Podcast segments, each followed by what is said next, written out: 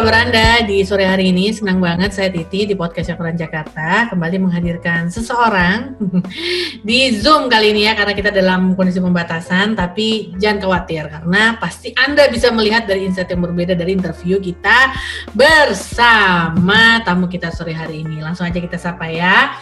Halo Ara, apa kabar? Halo, baik Kak. Hmm, cantik banget ya Ara ya. Tapi Anda Jakarta kalau dengar ceritanya Ara, oh saya juga serem masih tuh suaranya tuh. Ara. Iya. Matiin aja. Ara, um, kalau kita kemarin uh, uh, lihat di Twitter ya, ceritanya Ara iya. nih sempat uh, viral banget nih tentang uh, apa? Lasmi, Lasmi. Haha. Iya. Bisa diceritain nggak sih buat Jakarta? Sekarang kadang-kadang Jakarta ini tipenya kadang oh iya dengar si Lasmi siapa? Siapa kagak tahu. Oh kuntilanak oh, iya. apaan? Terus oh apaan menara Saida? Oh iya gitu. Jadi mungkin bisa jelaskan secara singkat nanti abis itu kita masuk tanya-tanya lebih detail lagi arah silakan. Iya.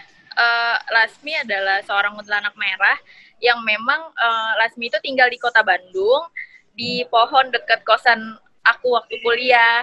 Jadi memang banyak sih kuntilanak merah yang yang berwarawiri gitu ya. Di sosmed ada kuntilanak merah UI dan Menara Saida tapi memang untuk Lasmi sendiri adalah kuntilanak merah yang memang tinggalnya di pohon uh, deket kosku di Wastu Kencana Bandung gitu. Hmm. Itu kan ya uh, emang uh, berita-berita COVID-19 ya. Ternyata tiba-tiba nyet trend topiknya si Lasmi gitu kan. Iya. Itu juga sempat kayak wow siapa nih si Lasmi gitu kan. Gimana sih ceritanya kok bisa jadi tahu namanya si Lasmi, kemudian tahu di pohon dan sebagainya. Mungkin bisa ceritain. Uh, jadi waktu itu aku berkuliah di salah satu universitas di Bandung hmm. dan aku ngekos di sana karena rumahku kan di daerah Depok. Aku ngekos. Uh, jadi pertemuanku dengan Lasmi itu saat itu aku masih uh, semester baru-baru deh, masih hmm. baru. Tiba-tiba aku memang dari uh, dari dulu dari kecil emang suka ngelihat makhluk astral. Uh, sering ngob uh, sering ngelihat sih saat itu. Tapi ketika aku masih SMP, SD SMP, aku tutup, ditutup sama kakek, terus akhirnya kebuka lagi mata batinku sekitar aku kuliah umur 18 tahun, sampai di mana aku waktu itu malam-malam ya, baru selesai mandi. Jadi di kosku, uh, pintu kamar mandinya di luar, uh, sampingnya itu pohon, pohon mangga yang besar. Tiba-tiba tuh aku baru keluar dari kamar mandi, uh, kan kalau misalnya ada makhluk halus kayak ada rasa di badan tuh kayak berat-berat dingin gitu aku ngerasa kayak wah ini ada apa nih? Ketika aku nengok ke arah kiri deket pohon aku ngeliat ada sosok kuntilanak merah yang rambutnya panjang menjulang uh, matanya merah seperti menyorot seperti merah darah dan bibirnya itu sobek sampai uh, bibir dan pipinya itu sobek sampai sekitar kuping. Jadi ketika dia senyum uh, rahang giginya tuh kelihatan gitu. Aku kaget ah itu itu kenapa? gitu. Aku ngeliatin saya dan akhirnya uh, Lasmi itu ngedeketin aku. Sampai jarak wajah aku tuh cuma lima jari lah gitu. Dia tersenyum terus ketawa hihihi gitu. Ya aku yang ngestak saat itu aduh ini kenapa? gitu. Akhirnya sampai itu pertemuanku dengan Lasmi pertama kali. Uh, akhirnya Lasmi sering ngikutin aku. Aku tidur dia ada di samping aku. Aku bangun tiba-tiba dia di, ada di atas. Akhirnya aku aku tanya e, kamu maunya apa? Uh, kenapa ngikutin saya? Aku bilang dia bilang nama saya Lasmi uh, saya memang kuntilanak merah yang suka nunggu di sini, nunggu di pohon. Uh, aku tahu kamu bisa lihat aku, kata Lasmi, dan akhirnya aku membiarkan dia untuk ada di sekitaran aku. Ya udah, lama-lama aku jadi temenan sama dia gitu. Ah, Pertama kali temenan iya. gimana nih Ara maksudnya? Iya temenan aja kayak misalnya uh, aku lagi bosen nih tiba-tiba dia datang, uh, Neng kernaon gitu lagi apa uh, lagi ini nih gitu. Kadang aku curhat tentang teman-teman aku keseharian aku sama Asmi kayak hmm. gitu. Kayak gitu. Uh, mirip-mirip kayak ini ya kayak ceritanya apa tuh jurnal Risa kali ya? Uh, itu kayaknya bisa difilmin deh ceritamu deh. Gimana sih ceritanya? Kamu bisa berteman itu emang cerita cerita apaan? Sama dia masih Lasmi itu cerita apaan? Uh, awalnya aku cuma cerita misalnya kayak keseharian aku sampai di mana akhirnya Lasmi menceritakan hidupnya dia dulu seperti apa dan seperti aku retrokognitif uh, ya Lasmi bercerita bahwa Lasmi itu seorang sinden di tahun 1940 pada zaman masa penjajahan. Uh, dia itu sinden tapi memang di dia nggak punya anak sampai 10 hmm. tahun pernikahan. Dan akhirnya uh, sampai 10 tahun pernikahan dan akhirnya Lasmi kan uh, punya suami ya namanya Asep. Dia itu punya kayak grup sinden uh, pada masanya yang memang disewa oleh iya. kolonial Belanda. Untuk punya pentas seperti itu. Sampai 10 tahun lamanya dia belum memiliki momongan. Pada zaman itu Neng uh, Lasmi cerita sama aku pada zaman itu uh, aku tuh sangat dijunjung uh, pada masa itu belum punya anak sampai akhirnya dalam jangka waktu 10 tahun akhirnya Lasmi mengandung. Betapa bahagianya Lasmi dan keluarga tentunya uh, Lasmi punya anak. Ketika sekitar umur tiga bulan kandungan itu Lasmi pulang dari abis menyinden kan masih hamil muda ya. Jadi kayak masih mual-mual kayak gitu.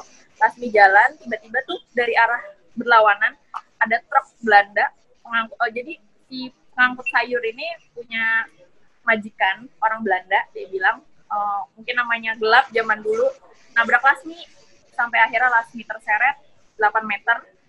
Uh, yang menyebabkan memang wajahnya kan kena batu-batu ya dulu. Akhirnya di sininya sobek. Dan akhirnya Lasmi meninggal di tempat bersama jabang bayinya. Kayak gitu dia bercerita. Uh, dan memang aku melihat dia memberikan gambaran gimana di tahun 1940 seperti apa. Jadi aku bisa oh seperti ini. Ternyata kisahnya sesedih itu dan sebenarnya aku gak pengen uh, cerita ke siapa-siapa tapi memang abang kakak aku uh, pengen kenalan. Karena kan sering disapa sama Lasmi waktu itu. Uh, dikasih tahu nih ada hadirnya Lasmi. Dan akhirnya uh, kakak mau bercerita sama teman-teman di sosial media. Dan akhirnya ternyata bisa jadi trending gitu. Hmm. kurang lebih. Bicara tentang uh, makhluk astral ya biasanya mereka itu menghubungi orang atau mungkin bisa orang dilihatin apa dan segala macam itu mereka punya tujuan. Iya. Kalau Lasmi sendiri tujuannya apa? Kalau Lasmi sih lebih kayak dia tuh nggak punya teman kan. Dia bilang aku sih sebenarnya pengen cerita-cerita aja neng. Dan akhirnya aku tahu neng bisa ngelihat Lasmi ya akhirnya Lasmi temenan aja sama Neng. Ternyata Neng welcome. Maksudnya uh, Neng mau nerima Lasmi gitu. Ya aku sih welcome welcome aja. Aku bilang karena uh, dari kecil aku punya temen juga selain Lasmi. Temen uh, makhluk astral lainnya sebelum Lasmi ada. Jadi aku fan-fan aja ketika Lasmi mau berteman gitu. Kalau ditanya tujuannya apa sih dia lebih lebih pengen cerita sih kayak gitu. Oke, bicara mengenai trending ya semua orang sekarang berlomba-lomba untuk jadi trending topik. Dan ternyata uh, salah satu cerita dari Ara itu trending gitu ya. Apa iya. dampaknya bagi Ara setelah cerita itu trending? Kenapa kak? Dampaknya buat Ara setelah cerita Lasmi ini trending? Hmm, kalau dibilang dampaknya sih lebih kayak uh, orang uh, aku jadi bisa uh, dikenal sih dampaknya kayak oh itu Teara ya Teara yang temennya Lasmi kayak gitu satu kedua memang ternyata ada pihak uh, penerbit yang memang mau menerbitkan cerita Lasmi menjadi sebuah novel gitu dampaknya oh. itu Ah, iya. Gimana tuh ceritanya bisa dihubungin untuk uh, pembuatan novel? Cerita dong, cerita. Uh, kalau dibilang itu, jadi kan aku kan trending di Twitter ya cerita Lasmi hmm. ini. Uh, yang yang memang bercerita itu kan kakak kakak aku namanya Valen dan akhirnya uh, Valen dihubungi oleh salah satu penerbit. Valen mau nggak cerita Ara untuk kami bukukan di media kita? Dan uh, kakak mau oh yaudah boleh boleh. Kalau misalnya memang harus dibukukan uh, penerbit mau menjadikan itu sebuah novel. Oke okay, dan akhirnya uh, dihubungin lewat sosial media. Dan akhirnya uh, insya Allah launching novel ini bulan Agustus gitu. Luar biasa. Ye. Jadi ya kalau di Indonesia nih ya, apa sih dulu banyak dari KKN Desa Penari, kemudian yang iya. Ida, sekarang Lasmi dan nanti mungkin akan dihubungin untuk ada film dengan uh. Lasmi. ya, amin. Amin gitu ya karena karena ini Lasmi ini bener-bener trending banget gitu loh. Mungkin pada saat ya. ini yang lagi trending memang Lasmi gitu. Dari Lasminya sendiri tahu nggak nih kondisi saat ini yang dia udah viral di mana-mana? Uh, tahu, aku ceritain gitu. Lasmi ternyata banyak yang baca cerita Lasmi gitu dan ternyata Lasmi happy kayak uh, uh, kalau misalnya kayak gitu, kok bisa sih dia nanya, kok bisa banyak yang yang baca cerita Lasmi? Uh, aku ceritain kalau misalnya di era sekarang ini semua punya HP, semua bisa diceritakan lewat sosial media dan dia mengangguk-ngangguk kalau misalnya dia bilang kalau zaman dulu mah gak ada gitu. Kalau misalnya mau ngehubungin orang aja kudu ke rumahnya gitu. Dan akhirnya aku menceritakan uh, gimana kondisi era sekarang tuh? Aku kasih tahu dan dia ketawa-ketawa dia happy. Kalau misalnya banyak yang dengar ceritanya Lasmi gitu. Karena memang dasarnya dia pengen didengar sih kak ceritanya gitu. Kurang lebihnya. Bisa jadi 100 episode ceritanya Lasmi Uh, enggak juga sih.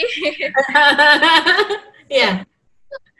Kalau yang yang yang paling diingat uh, dari seorang Ara terhadap cerita-cerita Lasmi, selain memang cerita kematiannya seperti apa, atau uh, mungkin saat dia uh, jadi siden seperti apa gitu. Ada cerita-cerita lain yang mungkin dari flashback lagi dari tahun 40-an yang kayaknya, wah kayaknya nih menarik banget nih ceritanya nih. Apa? Uh, lebih ke dia menceritakan bagaimana uh, keseharian dan rumah tangganya dengan suaminya namanya Kang Asep. Uh, jadi Kang Asep ini kan yang salah satu dia pemain suling uh, di grup sindennya Lasmi, di mana Las, uh, sang suami ini sangat setia dengan Lasmi. Dia bilang uh, Kang Asep benar-benar sama Lasmi mah dede, dede tuh benar-benar ke hati gitu. Dia nungguin uh, Lasmi sampai punya anak, di mana pada era saat itu uh, orang-orang bergunjing tentang Lasmi Lasmi belum punya anak. Bahkan uh, istilahnya maaf maaf gitu. Lasmi sampai ditawar sama uh, Londo sama Belanda untuk uh, ya aneh-aneh lah gitu. Lasmi sangat terpukul gitu tapi Kang Asep selalu support selalu uh, apa nemenin Lasmi sampai akhirnya Lasmi punya anak. Bahkan sampai Lasmi meninggal pun Kang Asep kan sakit gula keturunan uh, dia bilang bahwa Kang Asep itu tetap setia gitu walaupun ada perempuan lain yang memang uh, deketin Kang Asep udahlah uh, sama ini aja sama Nenden kan teman kecilnya si Kang Asep dia cerita jadi Kang Asep ini sangat setia untuk sampai akhir hayat Lasmi meninggal sampai Kang Asep meninggal, Kang Asep ini tetap setia untuk Lasmi gitu.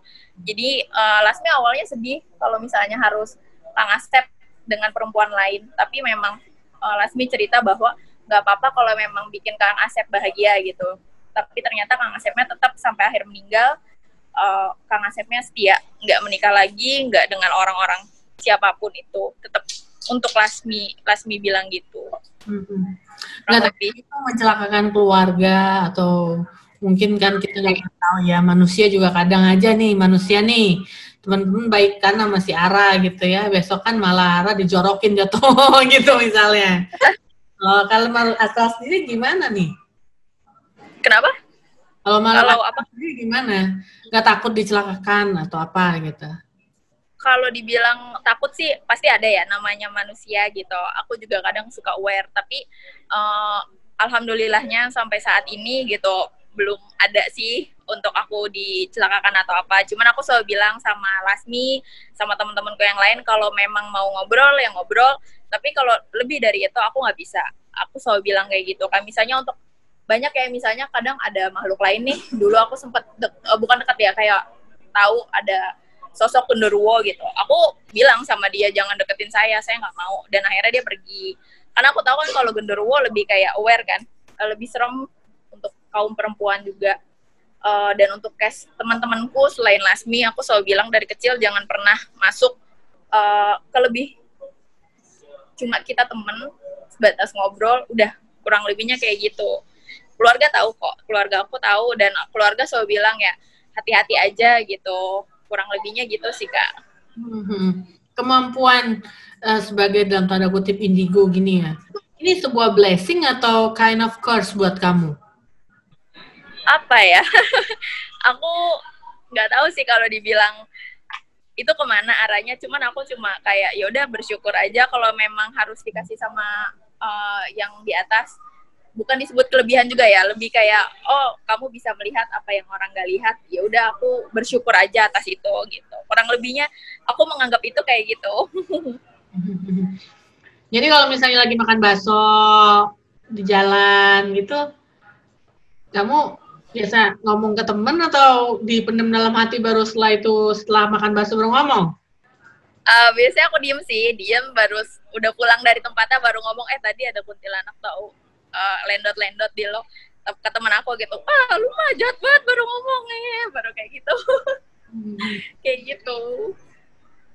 Nah dari sekian berarti udah udah udah berapa tahun juga ya uh, punya kelebihan yang dibuka matanya ini ya buat Ara ya Iya, udah cukup lama sih dari kecil. Bahkan aku dulu mau dibawa ke tempat lain gitu sama teman-teman kecilku. Cuman uh, alhamdulillahnya masih diselamatkan gitu sama kakek. Lebih ke kayak misalnya dulu aku punya pengalaman aku punya teman namanya anak April. Dia hantu Belanda sama pribumi campuran. Jadi waktu aku kecil kan aku ngerasanya kalau yang aku lihat itu ya teman. Mereka bukan sosok astral atau apa yang aku pikir ya oh dia teman gitu uh, jadi aku waktu itu kecil sempat tinggal di Jalan Raya Bogor ada Wadi Garden. Jadi kayak tempat taman bermain anak-anak. Jadi aku disuruh diajak ke jalan ke jalan. Uh, tiba-tiba kakek aku datang alhamdulillah aku diselamatin. Kayak mau ke mana gitu kakek aku. Terus habis itu uh, karena kejadian itu akhirnya mata batin aku ditutup. Dan aku baru ceritain kalau misalnya kenapa kok ditutup sih mata batinnya? Kalau misalnya itu kamu belum tahu hal baik dan buruknya kata kakek aku gitu jadi mungkin ketika kamu udah paham itu akan kebuka lagi dan ternyata benar ketika almarhum meninggal aku umur 18 tahun itu kebuka lagi dan ya udah deh aku akhirnya menerima gitu Hmm, hmm, hmm, Wah, nanti kalau dijadiin film nih bisa ini nih, behind the scene-nya juga bisa dimonetize nih kayaknya.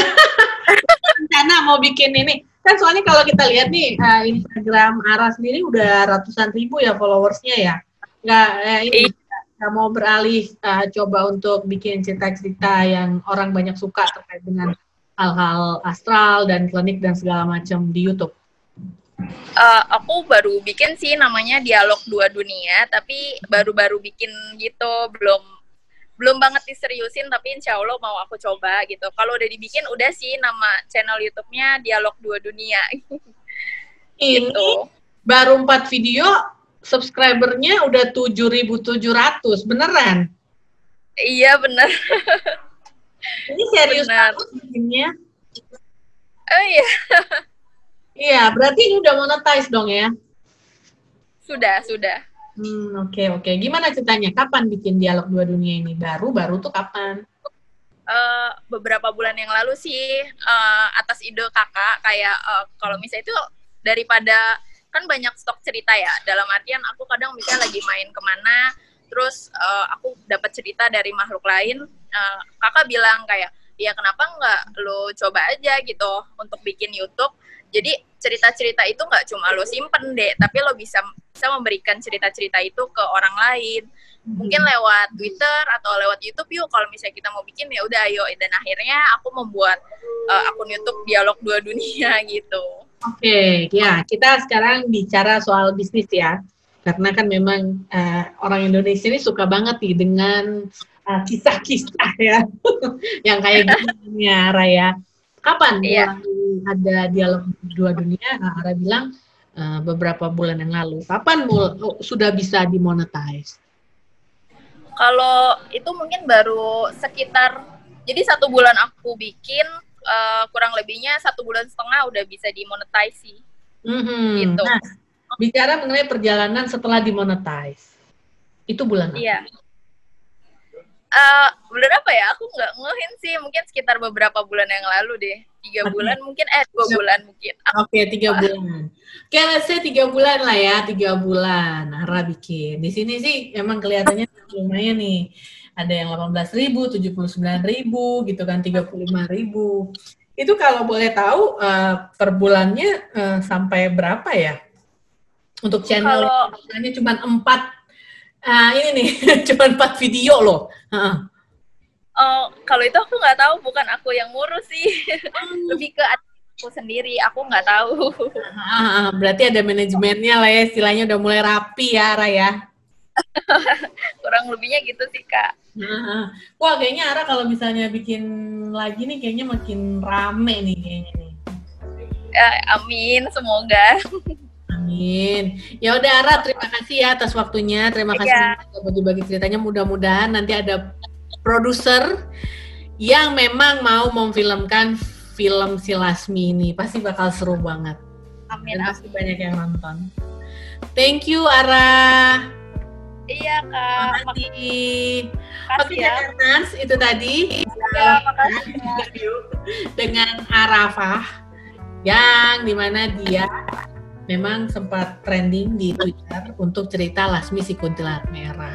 Ya, percaya nggak percaya, tapi itu kenyataannya Jakarta. Jadi kalau misalnya Anda penasaran, langsung cek aja hashtag kuntilanak merah Lasmi. Pasti banyak banget ceritanya ya, udah viral. Oke, saya Titi undur diri. Terima kasih, tetap sehat, tetap semangat ya. Bye. Thank you, Ara. Iya, Kak. Halo Jakarta, jangan lupa dengerin podcast diskusi Koran Jakarta hanya di Spotify.